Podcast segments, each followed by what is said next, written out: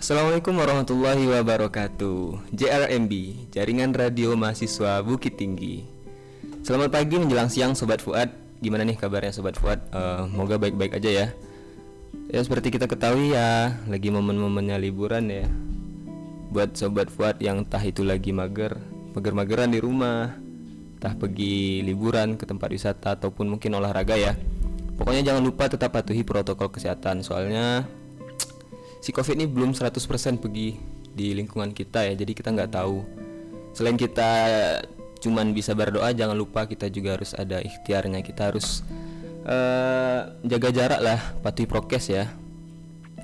Nah uh, ngomong-ngomong soal liburan ya pada kesempatan kali ini bakalan ya bahas masih seputar tentang liburan ya.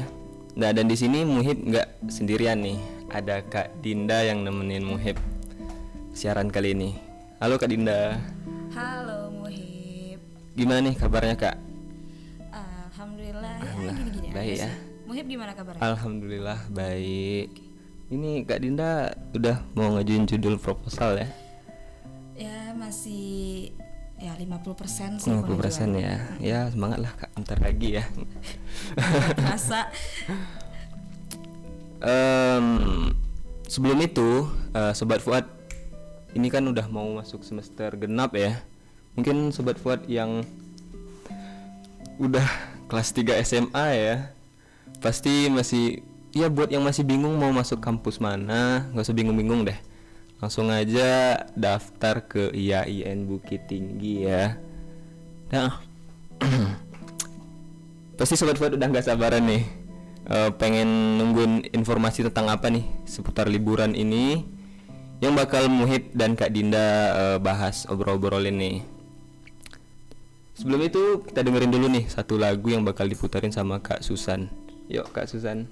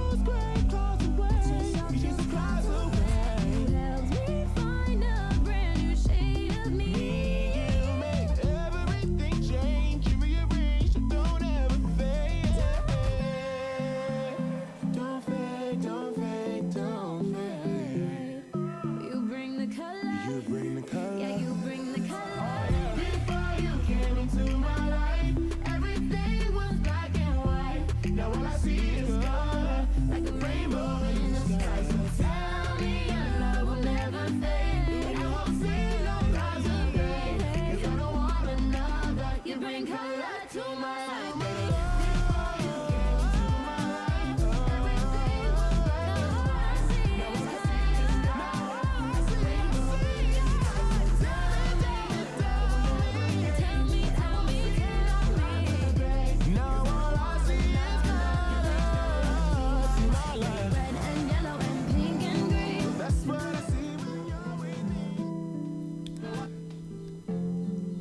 Oke sobat Fuad, balik lagi nih bareng Muhib dan Kak Dinda tentunya nih. Nah, pasti sobat Fuad penasaran kan apa yang mau dibahas hari ini? Jadi Muhib sama Kak Dinda bakal ngobrol-ngobrol tentang kuliner khas dari Bukit Tinggi ya Kak. Nah, eh, buat sobat Fuad yang khususnya mungkin yang dari luar Bukit Tinggi ya, pernah nggak sih ke salah satu center di Bukit Tinggi kayak mungkin kayak Jam Gadang ya? Itu kan di sekitarannya banyak banyak ada pedagang keliling ya kak. Ada juga yang emang buka toko di situ untuk jual makanan khas, kuliner Bukit Tinggi ya. Nah mending kita langsung tanya-tanya aja deh ke kak Dinda eh, tentang eh, kuliner khas Bukit Tinggi ini. Nah menurut kak Dinda nih eh, apa aja sih kuliner yang menjadi khas tentunya di Bukit Tinggi? Dan ya paling nggak eh, ini wajib deh untuk sobat Fuad kalau main ke Bukit Tinggi dicobain gitu. Ya, buat sobat Fuad dan juga Muhib nih. Mm-mm. Kalau ngomong-ngomong masalah uh, makanan khas yang ada di Bukit Tinggi, sebenarnya uh, banyak Banyak ya. banyak Pastinya. sebenarnya banyak gitu tapi yang kali ini kali ini uh, makanan-makanan yang akan kita bahas kali ini dijamin bikin sobat Fuad bikin giler pastinya ya Jadi lapar ya. tapi sayang banget nih di studio nggak ada makanan saat padahal lagi lagi Padahal kita bahas- bahas makanan ya. Iya, tapi nggak apa-apa deh ya kita sama-sama giler, Ya. tapi setidaknya dengan Hmm. kami memberikan informasi mengenai makanan khas Bukit Tinggi, Sobat Fuad bisa ya se- Seenggaknya, mencoba-coba ah, gitu ada kan. rekomendasi lah gitu ya. Abis ini ah kita langsung Ah, turun langsung mungkin- ya cobain mungkin- gitu ya kan. Mungkin Kita sobat menikmati. juga mau ngirimin ke studio nggak apa-apa ya. Ah boleh banget pak. Kalau makanan sih nggak bisa nolak ya. Iya. ya mungkin kita langsung aja nih masuk uh, Hmm. Balik lagi ke pada pembahasan kita yang pertama mengenai makanan khas Bukit Tinggi. Salah satunya yaitu nasi kapau. Ya kalau ngomong-ngomong nasi kapau sebenarnya apalagi kita yang udah tinggal baru-baru tinggal di Bukit Tinggi udah Hmm. sering lihat ya eh, biasanya standby di eh, perantaran di jam eh bukan di perantaran jam gadang tapi di sekitar jam gadang ada eh, ada yang stand di eh, dekat apa kantor eh, Bang Bang Ya, Nagari ada Bang terus ada namanya di Pasar Lambuang itu di eh, di pas di bagian pasar atas Bukit Tinggi. Nah di situ banyak pedagang-pedagang yang lagi jualan nasi kapau. Nah kalau ngomong-ngomong nasi kapau nih, Muhib, itu tuh sebenarnya makanan-makanannya itu ya nggak jauh beda sih sama yang di yang nasi-nasi padang pada umumnya, tapi ada keunikan sendiri yang ada pada nasi kapau. Apa tuh coba? kak? Yang bikin uniknya nasi kapau ini kita lihat dari segi fisiknya itu cara penyajiannya.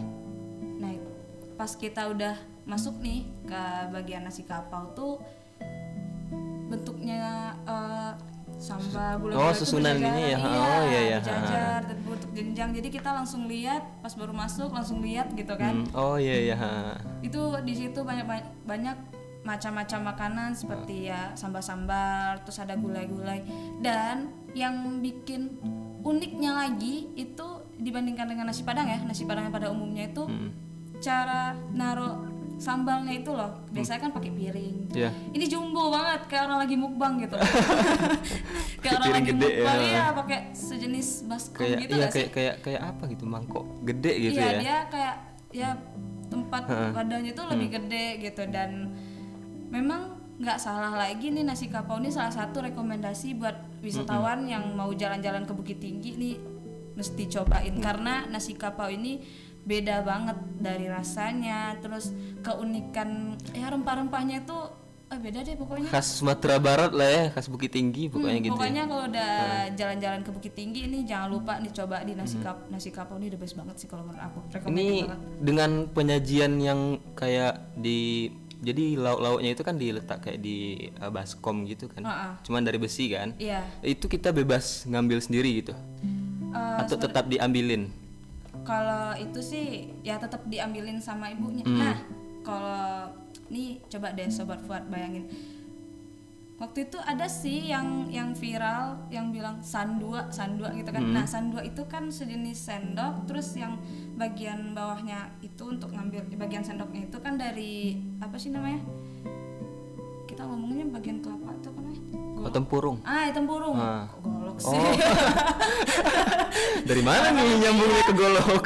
dari tempurung. Nah tadi tempurung terus tangkainya panjang. Nah walaupun Oh, walaupun kita yang mesen oh kita pesen ini satu ini satu ini satu. Jadi makanya kalau kita lagi mesen makanan tuh keunikannya tuh kita bisa sekali banyak Porsinya tuh. itu langsung banyak langsung ya. banyak nggak perlu pakai piring-piring kecil ah. lagi Oh, iya, jadi iya, si ibunya langsung ngambil aja kita misalnya pengen mesen usus satu terus dendeng satu gitu terus ini satu ini satu satu jadi lebih banyak ya lebih banyak itunya Porsinya lebih banyak pastinya ya.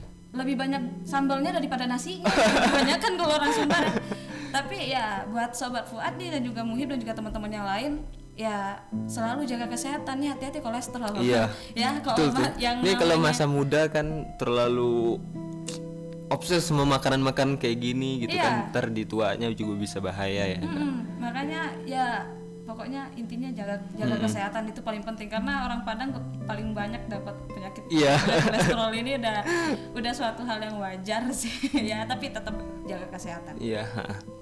Nah, eh tentunya ya sobat Fuad, kalau ya kalau mampir ke Bukit Tinggi gitu makan nasi kapau ya pastinya nggak makan sekali udah kenyang deh kayaknya deh, nggak perlu nambah-nambah lagi kayaknya ya. kalau kalau pengen niat mukbang ya silakan Iya. siapa yang sanggup tapi kalau Makan sebanyak itu tapi ya. kalau sebanyak itu sih kalau saya mah angkat tangan Nah, apa nih lanjut ke kuliner berikutnya nih kak, yang menurut kakak rekomendasi buat sobat Fuad? ya ini kita masih seputar Ya gulai-gulayan lah ya mungkin ya. sambal dan gulai tapi ini lebih ke sambal karena di segala eh, sudut Sumatera Barat itu hanya satu-satu yang ada sambal yang satu ini ah apa tuh? namanya itiak lado mudo Ite Lado Mudo. Ini jujur ya kak, Muib sendiri kan pendatang ya di Bukit Tinggi ya. Jadi ya s- udah berapa lama Muib di udah dua bulanan ya di Bukit Tinggi. Tapi ma- cuman apa ya? Malah bisa dibilang hampir belum pernah makan makanan eh, khas kuliner Bukit Tinggi. Jadi ya excited lah gitu kan. bagus dong. Ya kalau ngomong masalah itiak lado mudo nih. Dia sebenarnya kadang ada juga orang yang bilang itiak lado mudo ini nggak jauh beda sama ayam. Sebenarnya beda gitu. Karena dari tekstur dagingnya itu juga lebih beda, eh, beda sama Beda ya, ayam gitu dan ini kan dibikin dengan cabai hijau gitu kan. Jadi makanya itiak lado mudo ini salah satu eh, rekomendasi banget buat wisatawan yang pengen jalan-jalan ke Bukit Tinggi kadang kan apalagi bisa wisatawan tuh identik kalau ke Bukit Tinggi ke Jam Gadang ha. atau ke panorama atau ke eh, ke kebun binatang cuman itu itu aja kan jadi mereka sampai lupa kuliner-kuliner apa yang harus Oh iya, ha, ha. gitu. terlalu fokus sama tempat Iya. objek wisatanya ya. Kadang sayang banget kalau udah jalan-jalan jauh-jauh dari rantau Iya, yang jauh di sana datang ke sini ke Bukit Tinggi cuman jalan-jalan ke Jam Gadang doang. Abis itu makanya nasi Padang aja. Padahal di Bukit Tinggi itu sebenarnya banyak Banyak, banyak makanan-makanan khas Bukit Tinggi yang mesti dicoba gitu. Sebenarnya itu sih salah satunya Mip, kenapa sampai sekarang belum nyobain eh, kuliner khas Bukit Tinggi karena bingung mau makan yang mana duluan. Oh iya. Nah, Tapi kalau ini sih buat makan siang ya, ya. itiak lado mudo ya. Ini itiak ini apa sih Kak artinya Kak? Itiak tuh bebek. Oh bebek. Hmm, Berikutnya nih Kak, yang rekomendasi menurut Kakak buat sobat Fuad yang ya kalau tadi udah kayak termasuk ke makanan-makanan berat ya Kak. Ini mungkin untuk sarapan gitu. Kalau sarapan Itu mak- ya sebenarnya ini eh, yang satu ini ya makanan eh, juga recommended buat teman-teman apalagi anak kos nih gitu. anak kos nih Cocok yang- untuk Muhib. iya pokoknya cocok buat anak kos dan boleh lah dicoba gitu ya yang satu ini adalah ketupat pical Katupe pical. Oh, itu gimana tuh kak? kalau ketupat pical ini eh, biasanya antara katupe at- bukan harus eh, bukan harus ketupat ya Hmm. nggak harus ketupat tapi eh, lontong juga boleh karena ketupat dengan lontong tuh beda karena Oh beda. Iya, kalau ketupat itu kan dia dari daun apa sih namanya? Daun kelapa itu bukan sih? Yang untuk ininya? untuk untuk membungkus itunya kan? Guys yang nonton live tolong di komen ya. Itu apa sih namanya? Sampai lupa serius gitu. Padahal nggak nggak nggak terlalu tahu kan soal kuliner begitu. Iya, Jadi makanya pokoknya- excited gitu nunggu. Nah, makanya kalau kalau lontong sama ketupat itu ada ada bedanya. Hmm. Pokoknya dari segi rasa gitu kan. Tapi kebanyakan kalau katupe ini lebih lebih banyak peminatnya daripada lontong. Lontong juga ada peminatnya, cuman eh, kalau dilihat sih lebih banyak ke katu, eh, ketupat gitu. Hmm. Terus pical. Kalau pical ini ya eh, kuah kacang yang dicampur sama sayur-sayur gitu ada Oh. ada tahu biasanya ada toge terus ada Oh. Ada kadang ada campur pakai Ini bayam bayam iya, ha. juga gitu Ini udah kayak untuk anak kos sudah 4 sehat 5 sempurna lah ya. iya udah, udah bisa dibilang bisa sempurna ini mah Udah udah komplit lah gitu untuk sarapan paling enggaknya gitu kan. nah untuk untuk sarapan juga Nah, itu dia tadi ya sobat eh, beberapa eh, makanan kuliner, kuliner khas Bukit Tinggi.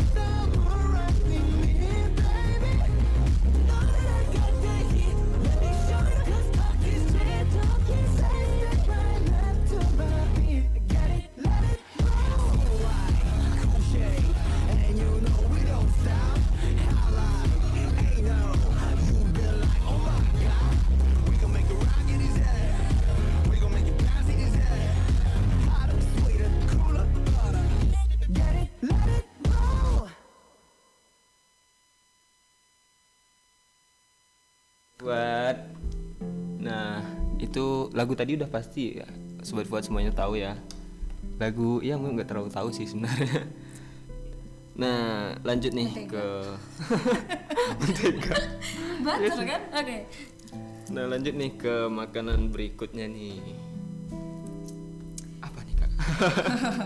Jadi kaku kan? ya karena tadi kesannya kaget tadi kayak apa slow aja ya untuk makanan recommended selanjutnya yaitu karupua kuah Kok- kok- Ah, ini pernah nih Muib nyoba dulu pas Pernah kecil sih. ya apalagi buat sobat Fuad yang lagi main-main ke Jam Gadang di perantauan Oh, ini banyak Gadang, ya. banyak ibu-ibu tuh yang, yang keliling-keliling gitu kan Iya, yang keliling jualin kerupuk kuah. Karena kerupuk kuah yang satu ini nih unik dari dari yang kakak coba dulu waktu waktu kakak kapan deh SMA deh. hmm.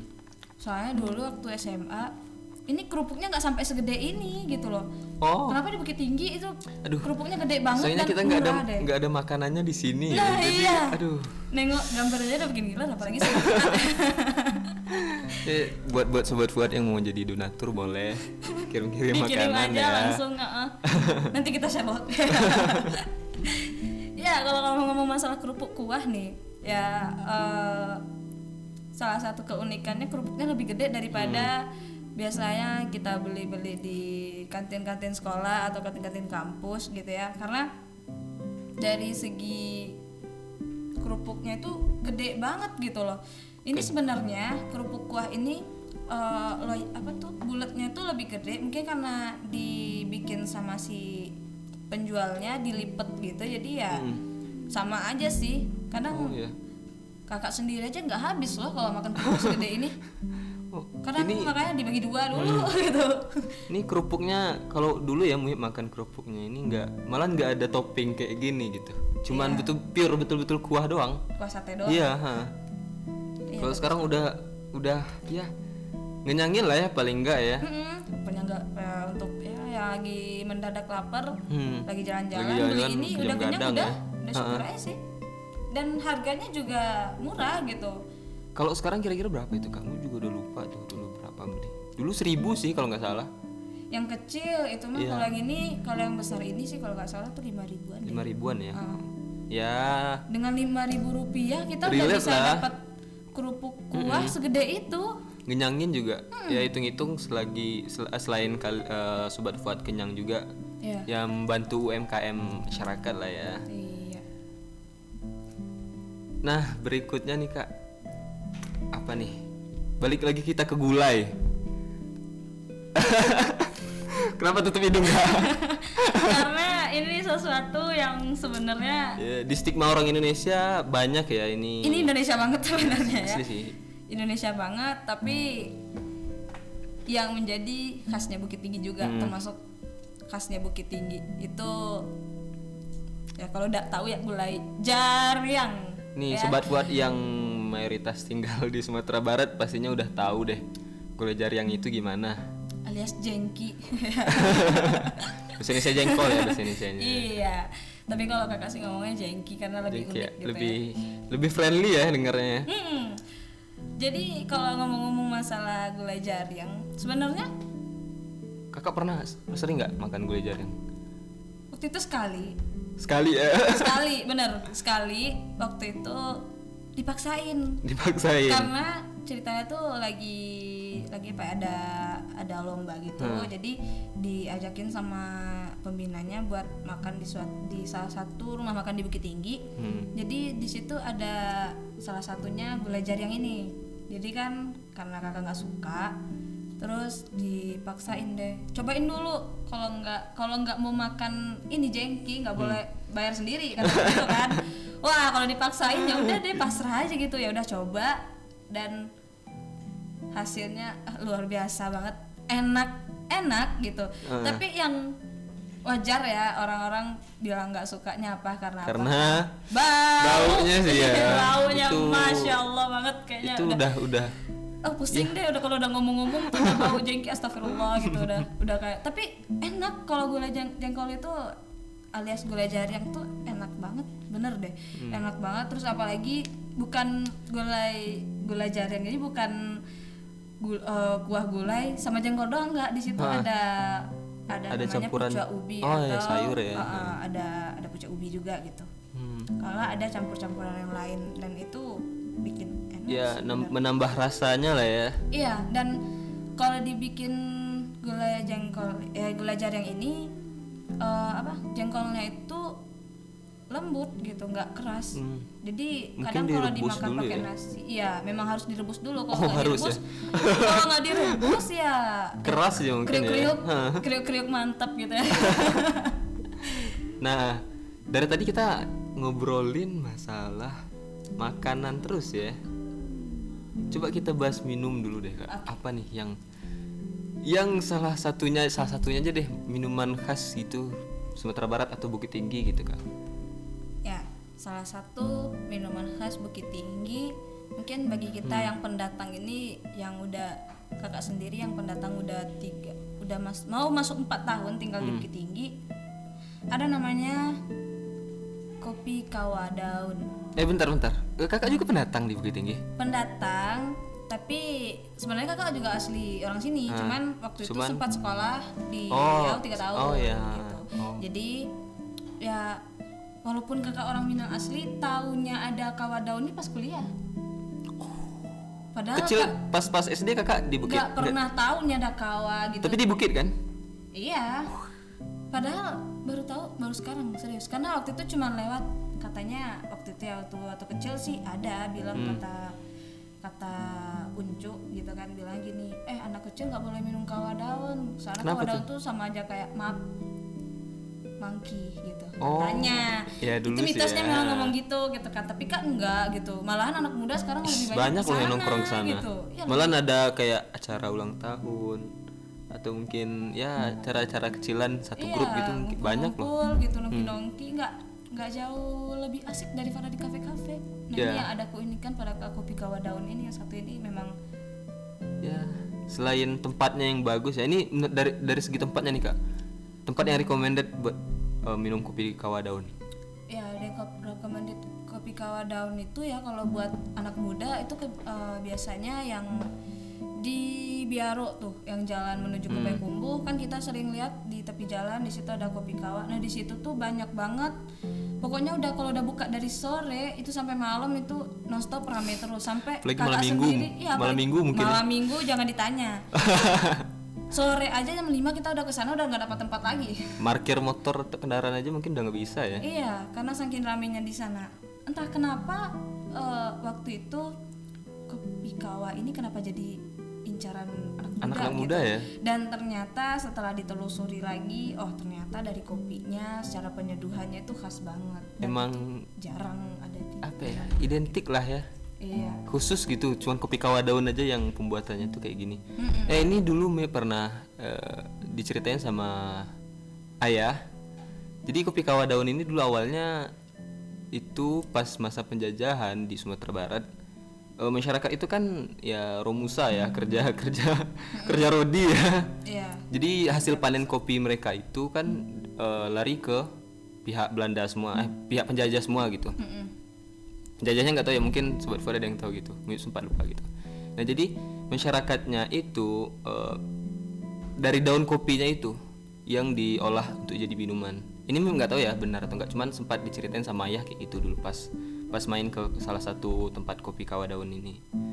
Nah itu dia tadi sobat Fuad eh, untuk sobat Fuad yang mau minum kopi kawa daun tepatnya ada di mana kak Tempatnya sebenarnya ada di Biaro. Yang kakak tahu yang di Biaro recommended mungkin- di Biaro lah ya Iya, soalnya di sana yang lebih rame gitu. Sebenarnya kemarin itu ada di mana sih di Jambu Air ya, tapi entah eh, mungkin tadi em, yang di Jambu Air pak lagi pindah atau gimana. oh ya Nah, ada yang ketinggalan nih mengenai eh, kopi kawa. Keunikannya nih buat sobat Fuad yang belum tahu eh, apa aja keunikan dari kopi itu sendiri. ya apa tuh kak Nah, kopi ko- kawa itu kan bagi pecinta kopi ya. Recommended sih yang yang kopi kawa daunnya karena eh, kopi kawa daun itu pas kita minum itu tuh kerasa banget khas kopinya. Kopinya tuh lebih beda daripada kopi-kopi lain, apalagi kopi-kopi yang ada di kafe kayak Hmm. Iya, americano atau apa segala macam gitu Iya. ya.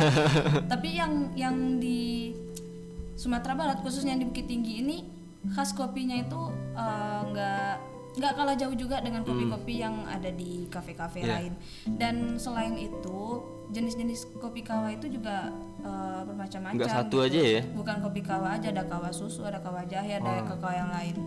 Gitu. Nah. Dan pen, eh, pen- pensajiannya biasanya itu yang yang yang menurut gue paling ini apa ya ini baru di sini gitu ketemu Baru pas di di, sini ya? Bukit Tinggi cuman di sini gitu. Dari segi penyajiannya. tempat tempat minumnya juga. Tempat minumnya itu jadi kita nggak pakai gelas sobat Fuad.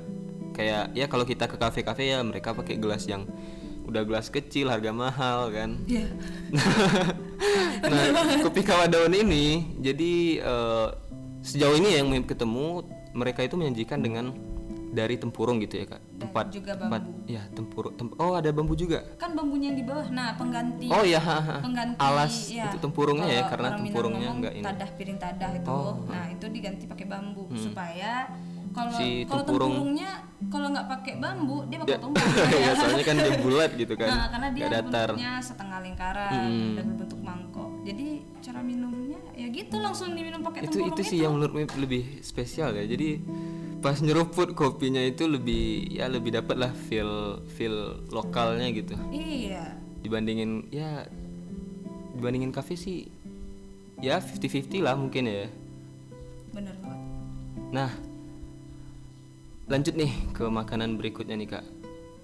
Apa nih yang mau kita bahas lagi nih ini bener lagi lapar nih beneran aduh Soalnya udah udah ini udah 30 menit kita ngobrol ya lebih kurang 30 Hmm. menit kita ngomongin makanan terus. Ini beneran bikin lapar ya. Dari tadi makanan tentang nasi kapau, terus gulai jaring, terus ada lati lado mudo. Ini abis ini kita ditraktirin nggak sih? Muhib? kita habis ini bakal bakal ke sana mungkin iya, mungkin sobat Fuad nih ada yang mau mungkin kan ya kali kan Iya mana tahu. Iya. Lagi ada rezeki lagi rezeki banyak, pengen bagi-bagi, boleh banget. kirim-kirim lah ke sini gitu. Ya karena yang satu ini nih yang bikin aduh ini beneran deh. Kalau udah ngomongin masalah makanan lapar banget. Oke ini kita lanjut aja. pernah juga nih nyoba. Pernah. Tapi di Bengkulu nggak di sini? Oh enggak oh enggak di sini. Kalau di sini lebih lebih beda ya rasanya? Beda banget. Nah yang ini yang satu ini. Salah satu makanan ini sering digunakan bukan digunakan sih. Hmm. Eh, sering, Sering di- disajikan pas lagi ada acara-acara kondangan. Sering. Apa tuh? Lamang. Lamang tapai ya. Lamang tapai. Sebenarnya lamang ini nggak tapai aja kan kak? Iya, lamang satu tapai satu, Hmm. dia beda-beda. Kenapa disebut lamang tapai? Karena yang itu tuh dua makanan yang dicampur jadi satu, tapi bukan berarti Hmm. oh. oh, dicampurin gitu ya. Dia tuh tetap terpisah, cuman kalau dimakannya ber- gitu deh. digabungin Iya, gitu digabungin. kayak Dan ya kayak topping beda. gitu tapainya jadi dimas kayak apa ya Iya, kayak jadi- ada kuah gitu kan Ah, ah. kayak gitu sih lebih kalau kalau yang namanya lamang tapai ini. Tapi ya sebenarnya ada keunikan Tersendirinya tersendiri gitu. di balik lamang tapai ini karena di, di balik asamnya Hmm. tapai terus digabungin sama kat- eh, lamang ini jadi kayak ih, beda banget lamang lamang ini terbuat dari apa ya kak dari ketan gitu. oh dari ketan ketan Terus eh, cara pembuatannya itu di kayak dipanggang gitu tapi eh, tapi pakai bambu. bambu ya Ah. ha, ha. Makanya yang yang lamang dulu ya. Kalau lamang ini makanya yang sering disajikan ketika ada acara kondangan gitu.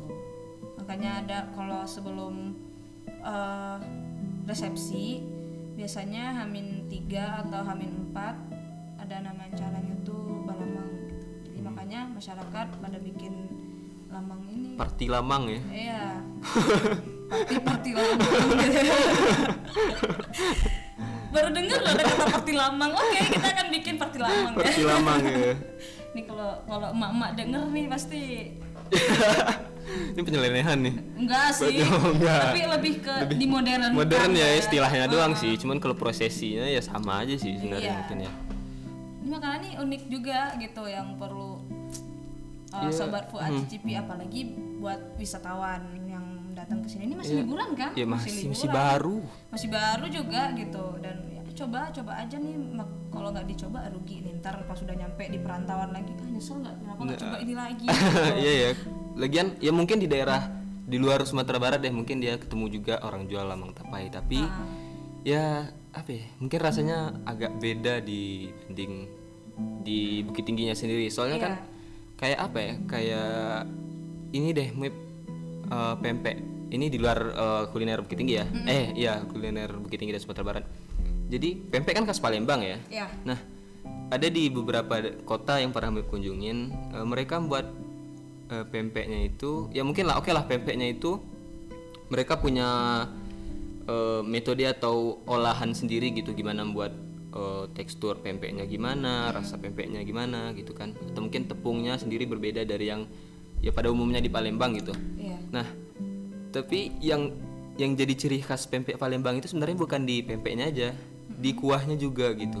Nah, di beberapa kota yang coba ya pedagang keliling sih.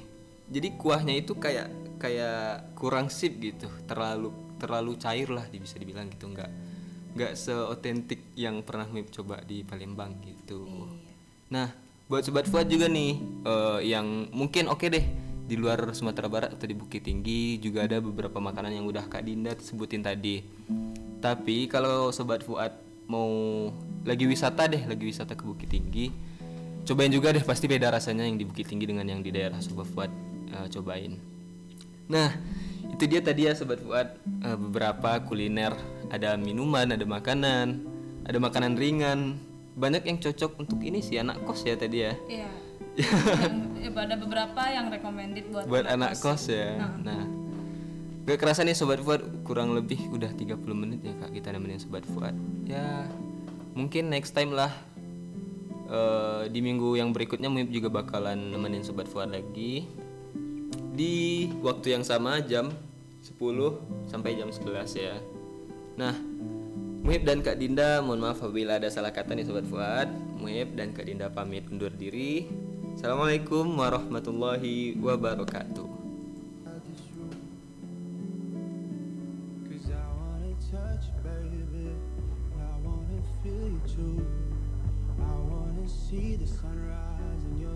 Just